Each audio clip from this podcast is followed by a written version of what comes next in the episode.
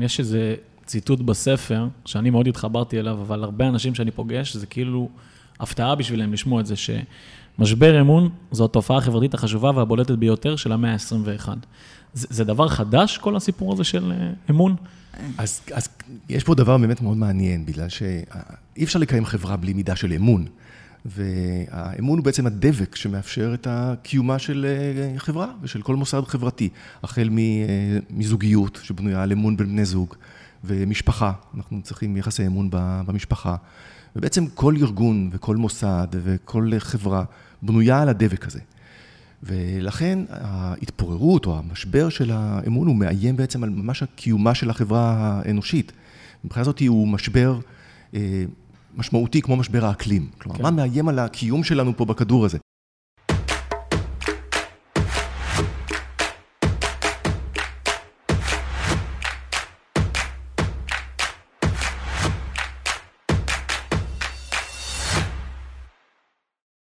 עמית, יובל, מה שלומכם? מצוין. מצוין.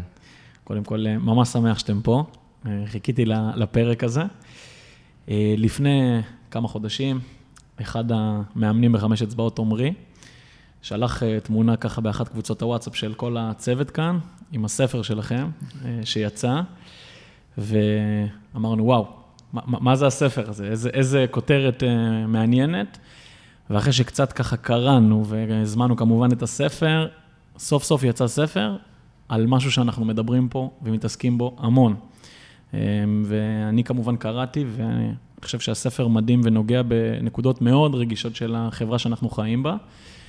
וככה לפתיחה, אותי סקרן ברמה האישית, איך הגעתם לעסוק בכזה ספר, לכתוב כזה ספר?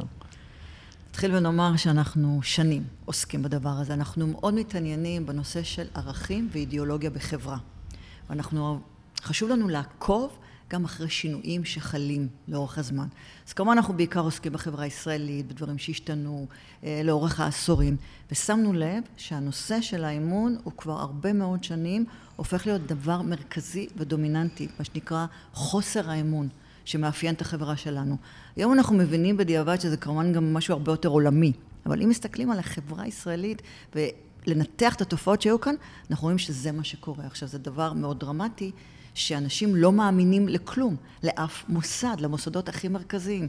ואנחנו מדברים בפוליטיקה, אה, כמובן בבריאות, עברנו את משבר הקורונה, כן. באקדמיה, במשפט, במשפט במשטרה. אני, במשפט, אני, הדוקטורט שלי היה על הפרת אמונים. אני התעסקתי בנושא הזה של, אה, של חובת האמון והפרת האמונים, גם הפרת אמונים של עובדי ציבור.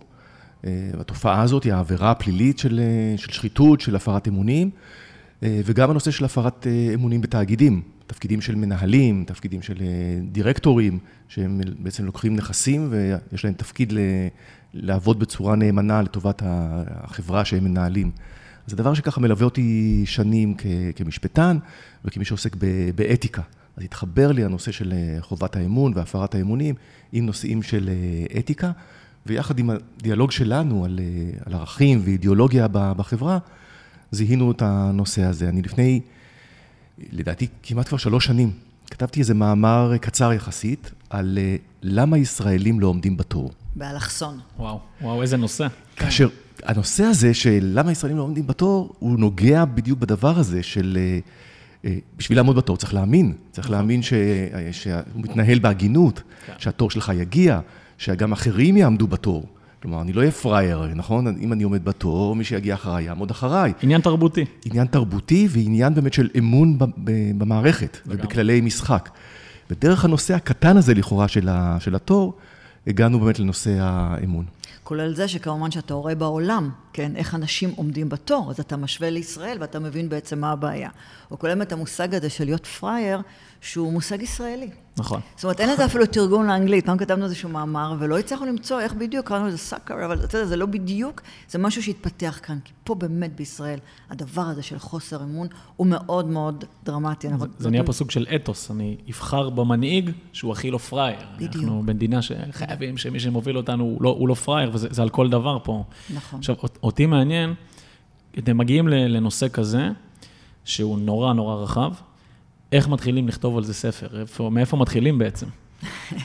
זה אולי שאלה לגבי כל הספרים שאתה כותב, אבל כן. תראה, בעיקרון, אנחנו בכתיבה שלנו גם עושים סוג של פינג פונג. כלומר, כל אחד מאיתנו כותב פרק, מעביר לשני. אני עוסקת יותר בתחומים של uh, טקסטים פופולריים, נקרא לזה. אנחנו טוענים בתקשורת שטקסטים פופולריים, דרמות, uh, פרסומות, זה משקף ערכים של חברה ותרבות. והתחלנו לשים לב באמת שלאחרונה, כאשר אתה מסתכל על כל הסדרות שאתה רואה, הנושא הזה הופך להיות נושא מאוד מרכזי. נכון. כלומר, דווקא דרך מה שנקרא כביכול הבידיון והתסריטים, כן אומרים משהו על מה שקורה בחברה. ואז התחלנו ככה לנתח ולראות שבאמת כל הטקסטים שלנו, כל הפרסומות, הרבה מאוד פרסומות גם כן מדברות על הדבר הזה כמובן מאליו. זה מובן מאליו שאנחנו מרמים ואנחנו לא מאמינים ואנחנו משקרים. טקסטים בשירים. כן. נכון. ויובל, אתה יותר, הייתי אומרת, ממשל, משפט, זה יותר התחומים שלך, נכון? ואתה רואה את כן, זה שם מאוד כן, חזק. כן, אנחנו... אה, הכל מתחיל אצלנו תמיד בדיאלוג, בשיחה. והתחלנו לדבר על הנושא הזה ועל המורכבות שלו, והתחלנו אה, לראות שהוא גם באמת משתקף בתרבות ובתרבות הפופולרית, אבל גם בחיים שלנו, בחיים שלנו בפוליטיקה, כן. ביחסים שלנו עם הנבחרים. אה, אני מאוד מוטרד ממה שקורה, מהמשבר באמת החברתי שמתגלגל למשבר אה, פוליטי, שבגרעין שלו יש איזושהי בעיה עם הנציגים שלנו. שאנחנו, אנחנו בוחרים אנשים שאמורים להיות נציגים שלנו ולשרת אותנו ולקיים את המדינה הזאת ואת הביטחון שלה ואת הכלכלה שלה, ואנחנו בעצם לא מאמינים להם. נכון. ו- ומה הייתה המטרה, דווקא מעניין אותי בהתחלה, והאם זה השתנה בדרך, המטרה בכתיבת ספר כזה? הייתי אומרת ש... קודם כל, לדבר על הנושא. כן. הבנו שזה מאוד חשוב, כי מבחינתנו באמת אה, זה גורם להתפוררות והתפרקות של החברה. נכון. זה נכון. דבר שאנחנו לא מאמינים אחד לשני, כמובן גם ברמה האישית, אבל בעיקר ברמה הלאומית. גם התחלנו לראות באמת, כל פעם שאתה מסתכל על איזה גוף, על איזה ממסד פה, אתה רואה שזה הדבר הכי מרכזי שלו. אמרנו, המשטרה, כן, בתי המשפט, הכול. אז קודם כל התחיל באמת במקומות האלה, שבוא נציף, בוא נדבר, בוא נביא את זה לתודעה, שאנשים יבינו, יחשבו, יבינו את ההשלכות. וגם היה לנו איזשהו שיח שהתחלנו עכשיו, רגע, יש לזה פתרון? האם אפשר לעשות משהו? האם אנחנו יכולים לעשות משהו? האם אנחנו מעוניינים לקדם באיזושהי אג'נדה? יובל הוא אדם מאוד uh, חברתי, שהקים פה הרבה מאוד ארגונים, הקים הרבה דברים, מתוך טובת הציבור באמת, איזשהו רצון להשפיע על הציבור. אז אמרנו, אולי ניקח את זה למקום הזה ונראה איך אנחנו יכולים לשנות, שזה כמובן אתגר uh, קשה בפני עצמו. כן, יש איזה ציטוט בספר, שאני מאוד התחברתי אליו, אבל הרבה אנשים שאני פוגש, זה כאילו הפתעה בשבילם לשמוע את זה, שמשבר אמון זו התופעה החברתית החשובה והבולטת ביותר של המאה ה-21.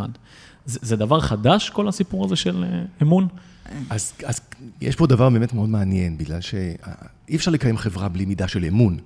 והאמון הוא בעצם הדבק שמאפשר את הקיומה של אה, חברה ושל כל מוסד חברתי, החל מזוגיות שבנויה על אמון בין בני זוג, ומשפחה, אנחנו צריכים יחסי אמון במשפחה. ובעצם כל ארגון וכל מוסד וכל חברה בנויה על הדבק הזה. ולכן ההתפוררות או המשבר של האמון הוא מאיים בעצם על ממש הקיומה של החברה האנושית.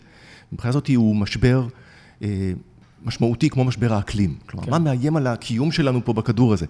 זה זה. ו- ו- וזאת נקודה חשובה שחשוב לי גם להתעכב עליה, כי אני הרבה פעמים בהרצאות שאני מעביר, אני פוגש הרבה מפקדים, מנהלים חינוכיים, בהרבה עולמות, דרך אגב, מאמני ספורט, מורים, ואני שואל אותם, מה אתם חושבים היום האתגר הכי גדול שלנו כחברה? בואו בוא נתחיל בזה. מעט מאוד אומרים לי, המשבר אמון שיש פה בתוך המדינה. נכון, זיהינו את זה. כן. ולכן בעצם כתבנו את הספר. כלומר, ולכן גם קראנו לו בשם הזה, משבר אמון. והאמירה המרכזית שלנו, עוד לפני, ש... ועוד נמשיך גם היום בטח קצת לדבר על פתרונות, אבל לפני שאנחנו מדברים על פתרונות, לזהות את העוצמה של המשבר הזה, את המורכבות שלו ואת ההשלכות שלו על החיים של כל אחד ואחד מאיתנו.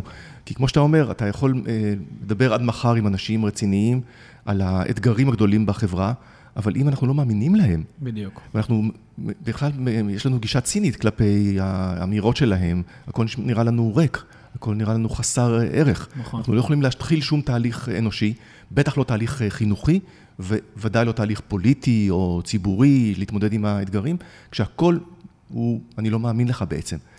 וזה קשור באמת לתקופה. שאלת על האם זה דבר חדש, אז אה, אנחנו מתמודדים עם נושא האמון תמיד, החברה האנושית. אבל אה, אין ספק שיש אה, משהו בעידן הנוכחי והיינו מדברים על 20 שנים האחרונות, זה לא משהו של שנה, שנתיים, אבל נכון. תהליך של, שהוא קשור גם לעידן הדיגיטלי, אה, והוא בעיקרו מאופיין בשני דברים. אחד, עליהם אנחנו מדברים בספר. אחד, זה ה fake news.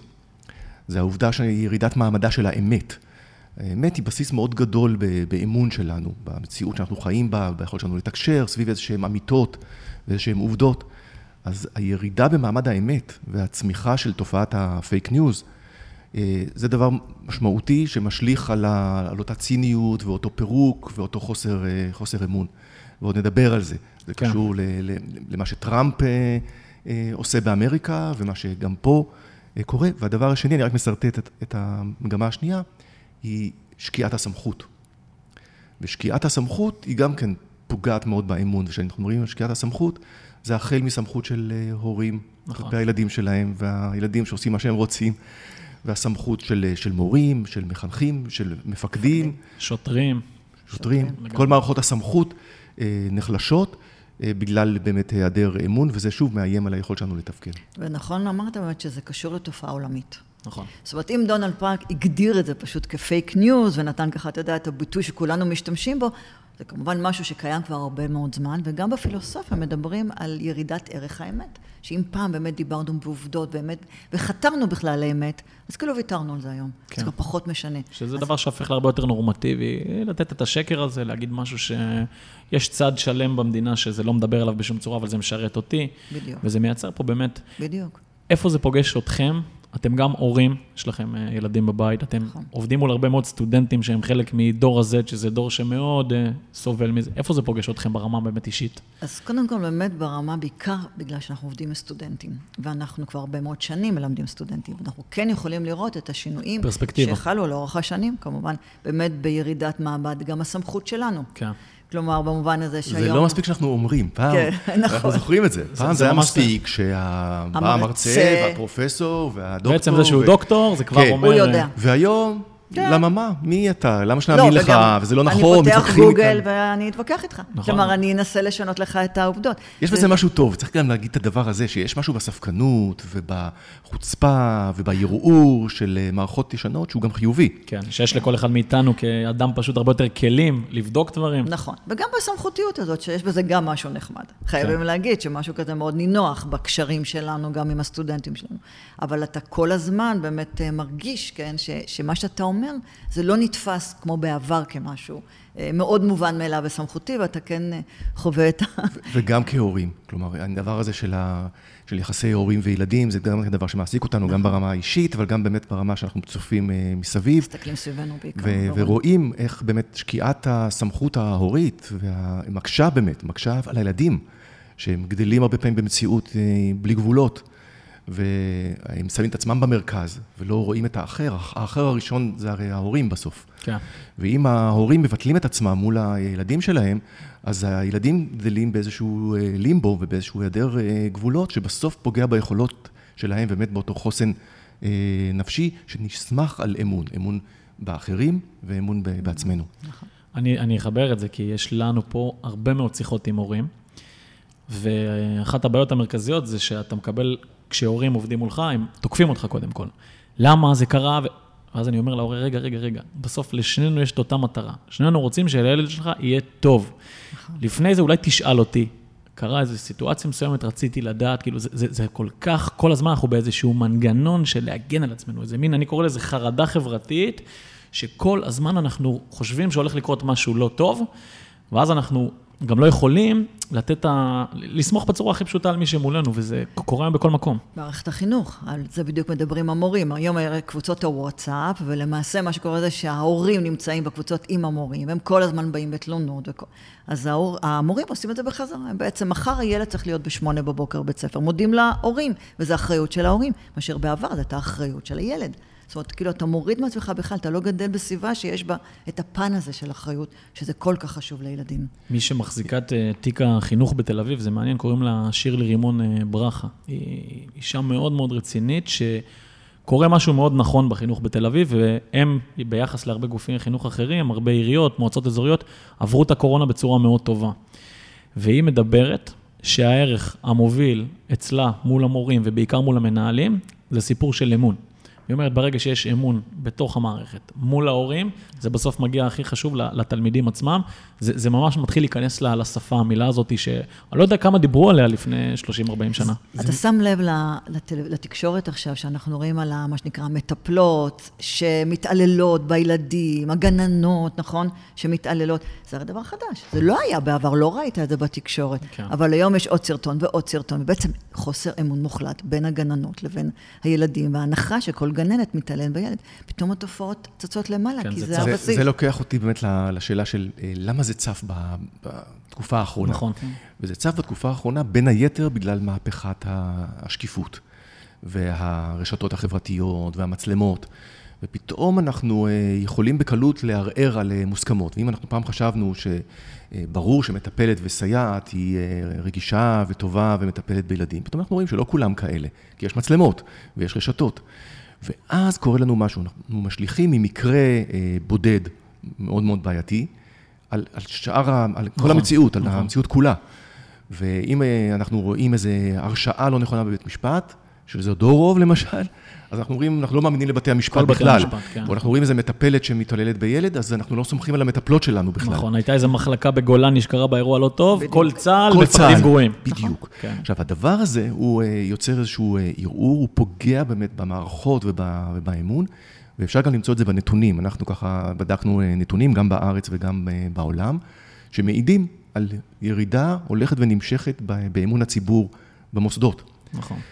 ואפילו במוסדות באמת, שנחשבו מקודשים. אפילו בצבא, תחשבו על הצבא, בית המשפט העליון, נשיא המדינה, שלכאורה היו קונצנזוס, היום גם הם אה, נשחקים, אה, ואנחנו ראינו את זה למשל בפרשה של אלאור עזריה, שמול הרמטכ"ל ומול כל צה"ל אה, עמדה משפחה, ועמד איזה סנטימנט ציבורי, ואמרו, ונוצר חוסר אמון, חוסר אמון בצבא, חוסר אמון במערכת השיפוט הצבאית, ואנחנו ממש מרגישים את זה.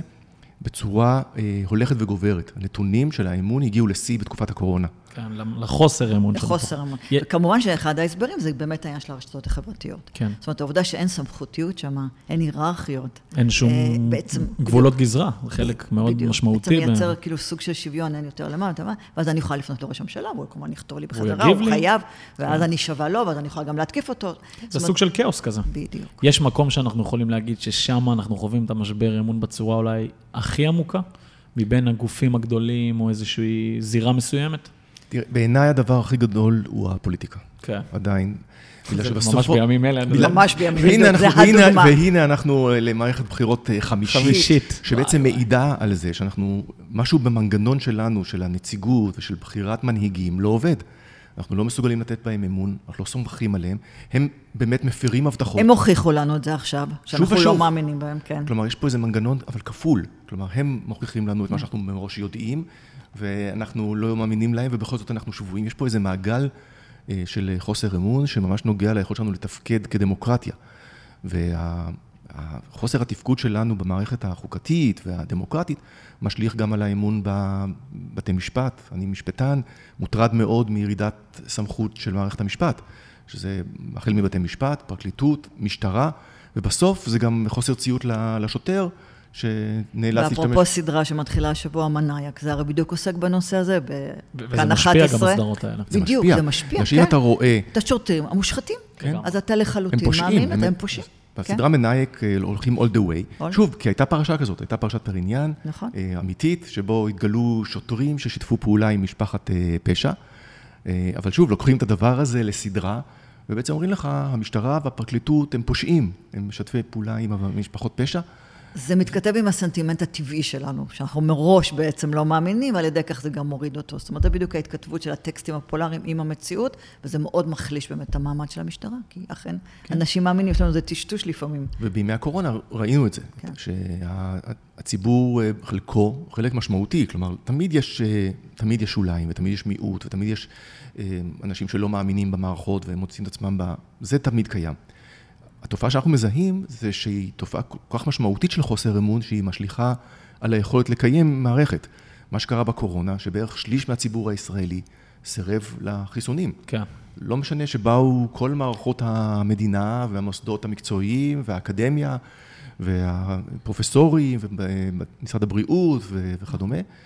עדיין, אני קראתי ב... תיאוריות הקונספירציה גברו לחלוטין. כן, אני קראתי ברשת כן. שמדובר בביל גייט שמשתיל לי שבבים. כן. או... לא, אתה גם כבר לא יודע למה להאמין. אתה בעצמך. בחרדה תמידית, כי אתה לא מאמין לאף אחד. בדיוק. אני רואה את זה על בני נוער, ושם זה הרבה יותר מורכב, כי הבני נוער של היום, בשונה מאנשים יותר בוגרים, אין להם פרספקטיבה. והם מגיל מאוד צעיר בטוחים שזאת המציאות, הם לא סומכים על אף אחד, מעל הכל דרך אגב, על עצמם, ברור שאני מכליל פה, וכשאין לך אמון בשום דבר, אתה לא יכול לעשות כמעט כלום. ממש. ואותנו פה בחמשת פרוט זה נורא מעסיק בהיבט הזה של, של נוער, שקודם כל לא מאמין בעצמו, כי הוא כמעט לא מאמין לשום מסגרת שהוא נמצא בה, וגם בבית הוא מקבל הרבה מאוד מסרים, אל תאמינו, אל תשמחו. רגע, למה רוצים להוציא אתכם לטיול הזה? מה, אלה עושים עליכם כסף? והם כל כך בכאוס, שאין אמון, ואני מחבר את זה תמיד לאין שיתוף פעולה. כן, אז אתה מתגונן כל הזמן. כל הזמן. כשאין אמון, אתה כל הזמן מתגונן. אתה עסוק כל הזמן בלהיות uh, קורבן, אתה בלא להיות פראייר, בלהדוף את ה... אנחנו לא מאמינים שיש אנשים עם כוונות טובות. נכון. יש מגזר שאנחנו יכולים להגיד עליו, הרי החברה הישראלית זו חברה מורכבת. האם זה דתיים, חרדים, אה, חילוניים? יש מגזר שאצלו זה בולט עוד יותר, הסיפור הזה של חוסר אמון? דווקא יש מגזרים שזה יותר קל. אם הזכרת את החרדים, אז יש לך את הרב, והוא מחליט בשבילך, נכון? ושם יש אמון עוד יחסית. אנחנו... זה אה, ציות כזה. אחד הדברים שאנחנו מתעסקים בהם, זה באמת התופעה של, אה, במציאות של אובדן אמון, אנחנו נסוגים לאיזשהו אמון מאוד בסיסי. וכל אחד מחפש את האמון לא במערכות הכלליות, באדם מסוים. אלא, אלא בזהות. ולכן אנשים מאמינים רק למי שמאוד דומה להם. נכון, ו... כמו במדיה. כן. ו... אז חרדי מאמין לחרדי, כן, ואישה כן. מאמינה לאישה, כן. ואתיופי מאמין לאתיופי, ומזרחי מאמין למזרחי. זה מפורר אותנו, כי אנחנו לא מסוגלים להאמין לאחר. כן. זה מרחיק אותנו זה מזה, זה גורם לגזענות. כלומר, אנחנו באמת, התופעה הזאת היא... של משבר האמון, היא מפוררת אותנו לשבטים. כן, אה, פוליטיקה של זהויות. פוליטיקה של זהויות. נכון. וכבר אני לא מאמין בערכים, או בהבטחות, או רעיונות גדולים. או ברעיונות של טובת כן. הכלל, אלא אני בפוליטיקה של זהויות. ופוליטיקה של זהויות, אה, האמון שלי במערכות אה, באמת נשחק. הוא הולך ויורד, מה שריבלין אמר בזמנו באמת, על השבטים, נכון, שבטים. נכון, הנאום המפורסם שלו. אנחנו רואים עד כמה זה עוד יותר רלוונטי. בתקופה שלו. נושא מרתק, ועכשיו אחרי שנתנו את כל הפתיח הזה, בוא, נגיע קצת לפרקטיקה, כי זה בסוף הכי מעניין. אני מאוד מאמין באיך, איך, איך משנים. מה אפשר לעשות כן. אותו. האם ניתן לרפא, מה שנקרא, ניתן. את המשבר הזה? תראה, אחת הסיבות לספר זה באמת שנדבר על זה. כן. באמת להביא את זה למודעות. כי אתה התחלת ואמרת, יש פה איזה ציטוט מהספר, ואנשים לא אומרים, רגע, זה הדבר הכי חשוב? אז אנחנו אומרים, כן, זה דבר מאוד חשוב, בעינינו זה כן הדבר הכי משמעותי שקורה עכשיו, שמשפיע על הכל. נכון. גם ברמה האישית, גם ברמה הלאומית. אז נביא את זה לתודעה וננתח את זה לעומק ונדבר. וננסה גם למצוא פתרונות בסגנון שאנחנו כבר מבינים שהם אופטימי מדי נקרא. אני רוצה דווקא להתחיל, בגלל כן. שבאמת אנחנו במקום שעוסק בחינוך, ובסוף הפתרונות הם שם. נכון. ואנחנו, ואנחנו כן. גם כאנשים שעוסקים בחינוך, מאוד מאמינים בדבר הזה.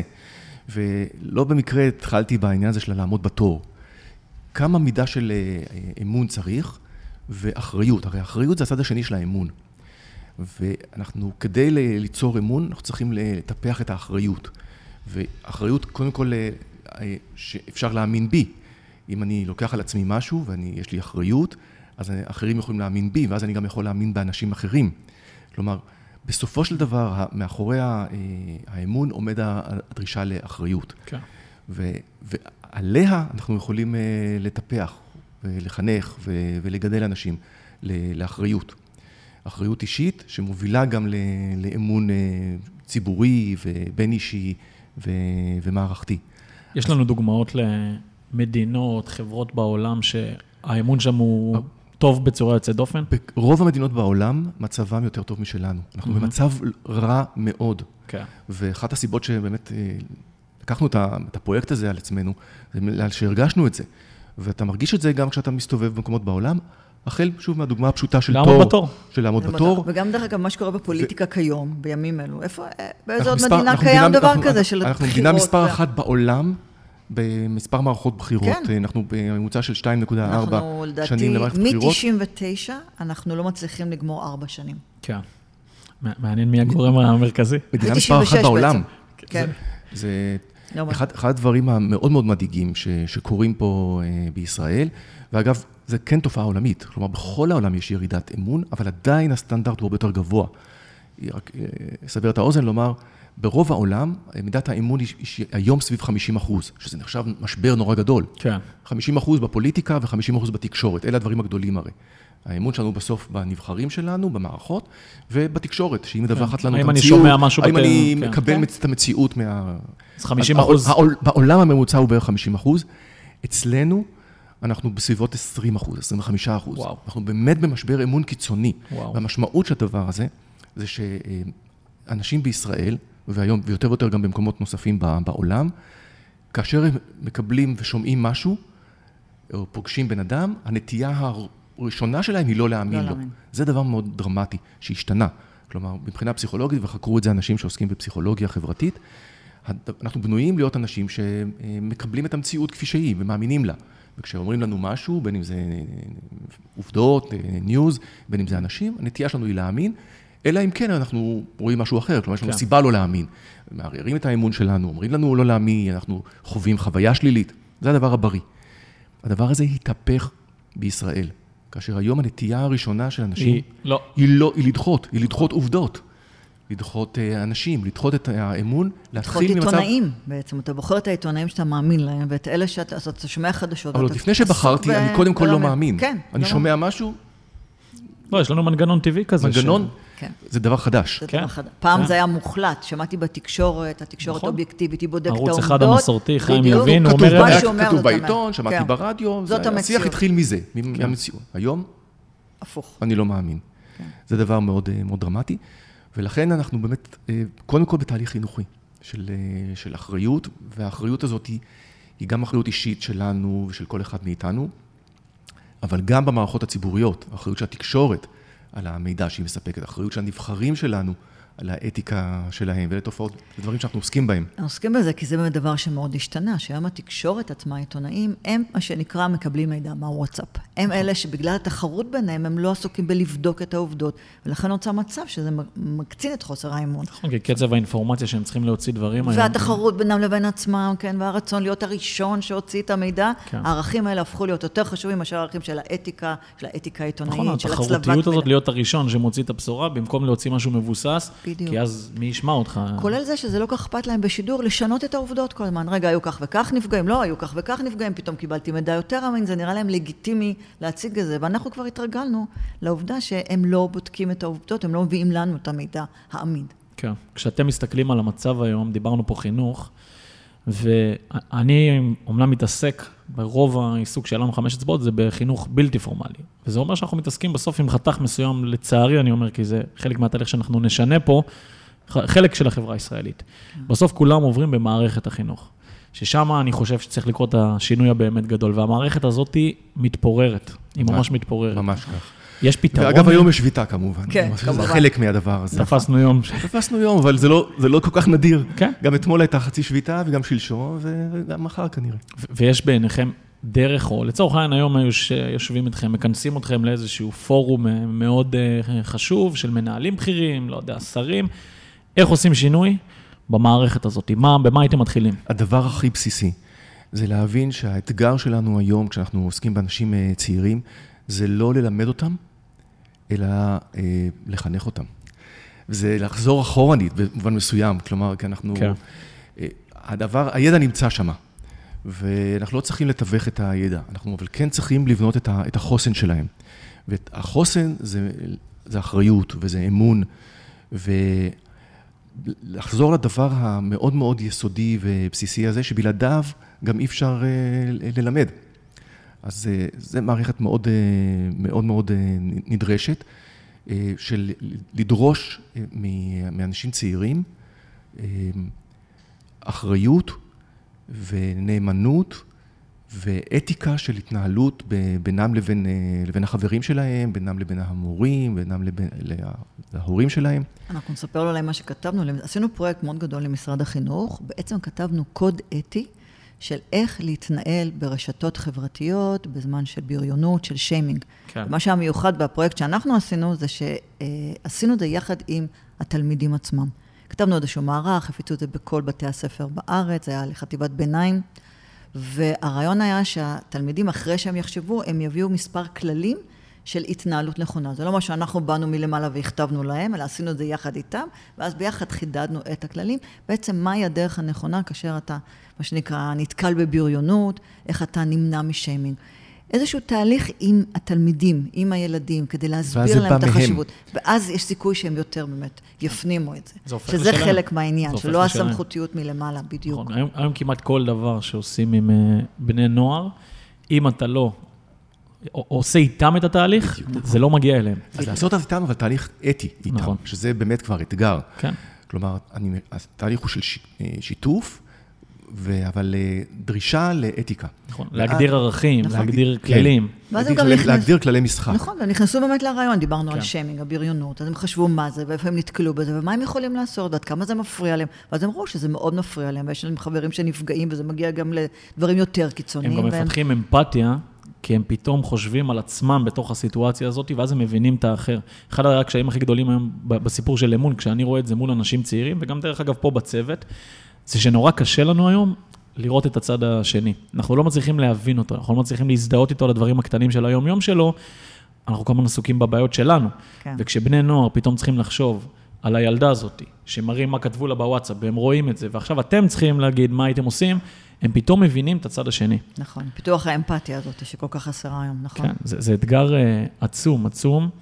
אז ו... אנחנו מדברים על, uh, על שני ערכים שאנחנו מדברים עליהם הרבה ב, באמת בספר ובמחקרים שלנו, זה השותפות והשקיפות. כלומר, uh, כדי לעורר אמון, צריכים באמת לפתח מנגנוני שקיפות יותר uh, עמוקים. בגלל mm-hmm. שהמערכות שה, הישנות שנבנו על uh, סמכות היררכית, וכבר לא מתפקדות. כן. והאמון יכול לבוא רק כאשר אני רואה בעצמי, ואני מקבל על עצמי, ואני שותף. אז אני חושב שאפשר לפתח אה, שקיפות ושותפות, אבל באמת החל מגן הילדים. כלומר, לילדים אה, צעירים, לשתף אותם בתהליכים, להיות מאוד שקוף אה, לגביהם, אבל גם בדרישה.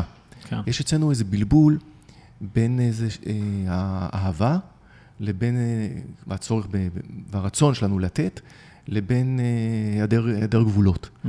אני חושב שיש פה איזה משהו מאוד משמעותי ש, שצריך לח, לחזור אליו, כן. אל אותה דרישה. למצוא את האיזון הזה חזרה. כן, שבגלל שאנחנו נורא מחפשים היום את הקרבה ואת השקיפות, גם עברנו קצת יותר מדי לצד השני. פעם ההורים, של הדור של פעם, היו באמת סמכותיים מדי, ואז הם חשבו שבכלל אפשר לא להתייחס אל הילדים. כן. ואז הגיע בעצם, רגע, אנחנו רוצים, אנחנו אוהבים את הילדים, רוצים להיות חברים שלהם, צריך משהו באמצע, לא, לא, אתה לא חבר של הילד שלך, אתה ההורה שלו, אתה מאוד אוהב אותו, אבל אתה כן יודע לעמוד ולשים לו את הגבולות הנכונים למענו, להמשך. אז... האיזון זה תמיד המפתח, מאוד מאוד קשה בדרך כלל להגיע אליו. דבר, יש דרך, כן. דבר, דבר נוסף שאנחנו ככה אה, מדברים עליו, זה אה, הסכמה על ערכים. כלומר, מאחורי החוסר האמון הרבה פעמים אה, עומד גם איזשהו, אה, איזשהו פער ערכי. והוא מתרגם לפער בתפיסת המציאות ולחוסר אמון שלי כלפי אנשים אחרים או כלפי דברים שאני שומע וקורא. ולכן זה דורש איזשהו בירור ערכי, אידיאולוגי, וליצור איזושהי הסכמה. ולהעלות את הערך של הסכמה. אנחנו היום, אה, יש לנו איזה אה, קידוש של הערך של הניצחון. Mm-hmm. כלומר, אנחנו שולחים את הפוליטיקאים שלנו לקרב. אנחנו כן. רוצים שהפוליטיקאי שלנו ינצח את הפוליטיקאי של הצד השני. או במערכת המשפט, אנחנו ממנים את עורכי הדין שלנו משני הצדדים, כדי שמישהו מהם ינצח. וכדי לדבר על אמון, אנחנו צריכים להמיר את הנושא של אה, ניצחון בנושא של הסכמה. Mm-hmm. כלומר, אנחנו צריכים לשלוח את עצמנו ואת הנציגים שלנו להסכים על אה, דברים, לברר מה משותף לנו ועל איזה דברים אנחנו יכולים uh, להסכים. Mm-hmm. ואז מתברר שהמשותף יותר גדול מאשר המפריד. כן, כן. אני חושב באופן כללי שדואגים להבליט את השוני בינינו, כי זה משרת אינטרסים של הרבה נכון, אנשים נכון. שצריכים כוח, ובפועל, כשאתה פוגש את האנשים בשטח, גם אם הם במגזר הכי שונה ממך, אתה רואה שיש הרבה יותר אה, בדיוק. משותף מאשר מבדיל. זה גם באמת אחד הפתרונות שחשבנו עליהם. באמת, אולי ברמה של צעירים ונוער, זה מה שנקרא מעגלי שיח, כן? נכון. שכן מחפשים, אנחנו באים ממקומות שונים, ואולי התפיסות שלנו קצת אחרות, ואולי דת, אבל עדיין יש גם הרבה דברים שמחברים אותנו. כן, ליצור חוויות משותפות. בדיוק, אז בואו נדבר עליהם דווקא, ובואו ננסה למצוא את המשותף, ועל ידי כך נתגבר על החוסר הכ- אמון. הקיטוב יוצר חוסר אה, אמון. הקיטוב הוא, הוא בחלקו תוצאה באמת של הרשתות החברתיות. אנחנו נמצאים כל אחד בבועה עם אנשים שחושבים כמוהו ומסכימים, אה, וגם יש איזשהו שיח מאוד קיצוני כלפי האחר. אז יש באמת תופעה משמעותית של, אה, של קיטוב, וזה קיטוב פוליטי, אבל גם קיטוב חברתי. והקיטוב הזה יוצר חוסר אמון, כי אני לא יכול להאמין במי שלכאורה הוא מאוד שונה ממני. אבל בעצם הקיטוב הזה הוא במידה רבה מלאכותי. כלומר, שאנחנו נשב וננסה לברר מהם הערכים נגלה שיש שחשובים לנו לנו. הרבה הרבה משותף, אז בדיוק. אנחנו, כן, אנחנו כן. בסוף בני אדם, ואנחנו רוצים דברים אה, דומים, יש לנו ערכים אה, קרובים הרבה יותר, והקיטוב הזה הוא אשליה. אני, לגמרי. הוא, הוא, לא, הוא לא מבטא גם את העמדות האמיתיות שלנו. אנחנו לפעמים יכולים להיות נורא נגד האחר, אבל כשנשב איתו באחד על אחד על כוס קפה, פתאום אנחנו נגלה... מסכימים על כן. המון אה, כי דברים. מה שאתה מוציא מהמקלדת הוא שונה לחלוטין ממה שאתה... רוב הדברים ביום-יום שלנו פועלים על רגשות. מקלדת זה הרבה יותר טכני, רציונלי, ש- נכון. שבסוף זה לא החיים. ולכן זה כל כך קיצוני. נכון. ולפעמים כל כך אלים. נכון, וזה משרת אינטרסים של הרבה אנשים שמבינים את המנגנונים האלה, וזה פשוט מפרק חברה. נכון. בגלל זה אני גם לוקח את זה לנושא האחרון שמאוד מעסיק אותנו כאן, שזה בסוף מנהיגות. שאני נמצא היום בהרבה מאוד אה, שיחות, הרצאות, סביב מה צריך לאפיין את המנהיגים של העתיד שלנו, המנהיגות של המאה ה-21, שהיא מנהיגות אחרת, כאילו איזה ערכים, איזה תכונות. ואם אנחנו מדברים על תרבות של אמון, על חברה מבוססת על אמון, איזה מנהיגים אתם הייתם חושבים שהעתיד שלנו צריך? בדיוק מה שאמרת. זאת אומרת, היום אנחנו מסתכלים על מנהיגות שהיא מאוד אגואיסטית ומאוד אינטרסנטית, והיא מאוד חושבת על עצמה, והיא מאוד עסוקה במה שנקרא, היא במרכז ושרידות מסוימת, נקרא לזה. ואנחנו בדיוק מדברים על, ה- על הערכים ההפוכים. באמת, מה שנקרא חשיבה על החברה, וחשיבה על הערכים, וחשיבה על אמון ועל אחריות, ואולי במובנים מסוימים כן, כן לראות את, ה, את הקהילה שסביבנו וליצור את, ה, את האחדות ואת הלכידות. ולא משהו של אני באמצע, אני המרכז. כן. זה ערכים שקיימים בחברה היום, שאנשים מאוד מבליטים את עצמם ומאוד עסוקים בעצמם, ומאוד עסוקים ב-well-being שלהם. נכון. וזה הפך להיות משהו שעברנו מקולקטיביזם לאינדיבידואליזם. שהחברה הישראלית קמה, כן, אם אתם רוצים, אה, החברה הקיבוצניקית שקמה, ישראל קמה על קולקטיביזם של עזרה הדדית אחד לשני, ובשנות ה-60, כשנכנסו ערכי האמריקניזציה לכאן, אז האינדיבידואליזם הפך להיות משהו מאוד מרכזי, שאני חושב על עצמי, וזה הלך והתעצם, והגענו באמת לאיזה מקום מאוד אגוצנטרי. הדבר הזה צריך להשתנות. זה מאוד מתקשר לנושא. כדי לקבל אמון, אתה צריך להפגין אחריות. והמחשבה שלנו שהמנהיגות זה לא פריבילגיה, וזה לא בגלל שאני מנהיג אז מגיע לי יותר, אלא בדיוק להפך, זה עקרון ההכבדה שאתם מכירים אולי. אני צריך להכביד על עצמי יותר, אני לוקח על. אני לוקח על עצמי יותר אחריות, אני לוקח על עצמי יותר קושי, ובכך אני גם מקבל, אה, זוכה לאמון.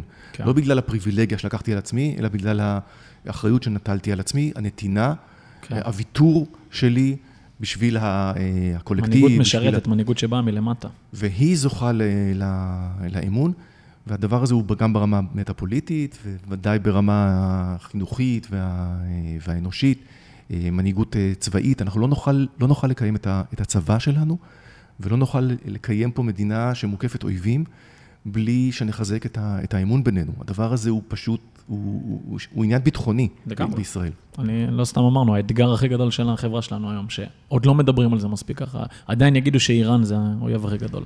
לא, האויב, האויב הפנימי, אנחנו עצמנו, זה ה... נכון, לגמרי. ושאלת סיום, שהיא גם המשך לזה, כי גם שומעים אותנו הרבה אנשים צעירים שלי יש אינטרס שהפרק הזה יגיע אליהם.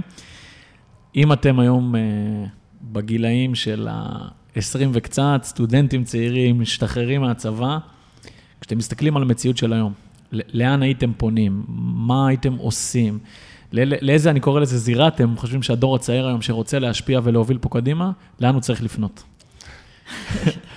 אני קודם כל אתחיל לומר שנדמה לי שהתחלנו את השיחה הזאת, באמת בדבר הזה שאתה נותן משהו, כמה זה נותן לך. היום במדדי העושר, הרי אנחנו נכון. יודעים הרי שנתינה זה מספר אחד.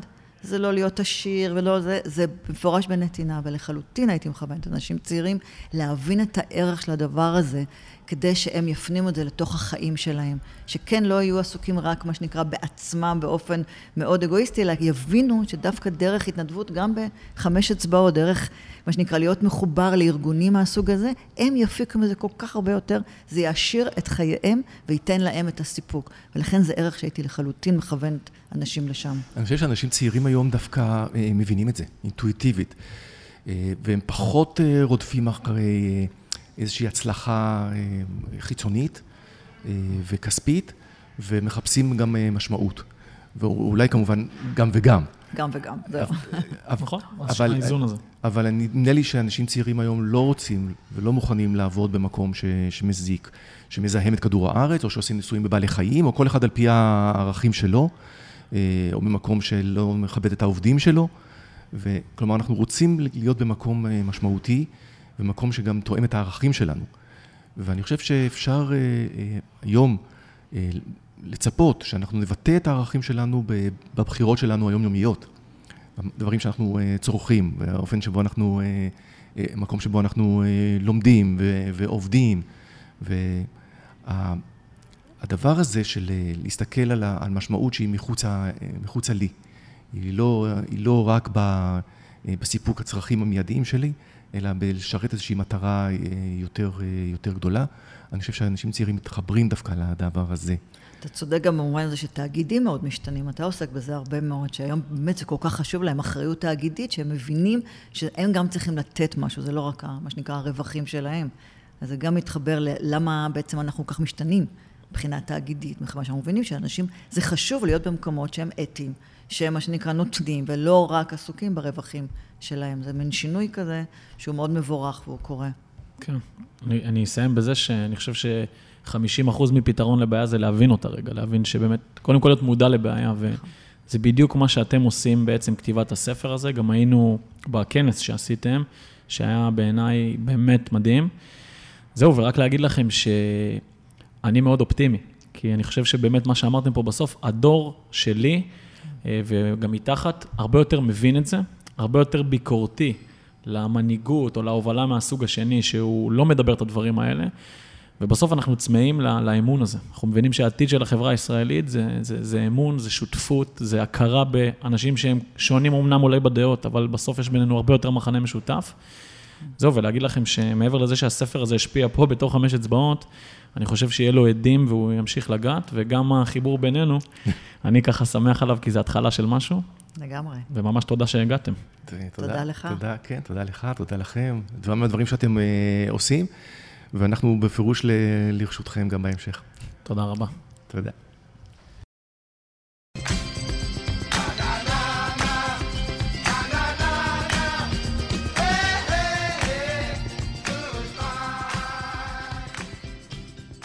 שלום, מה נשמע? אני רני אחינועם, העורך של הפודקאסט.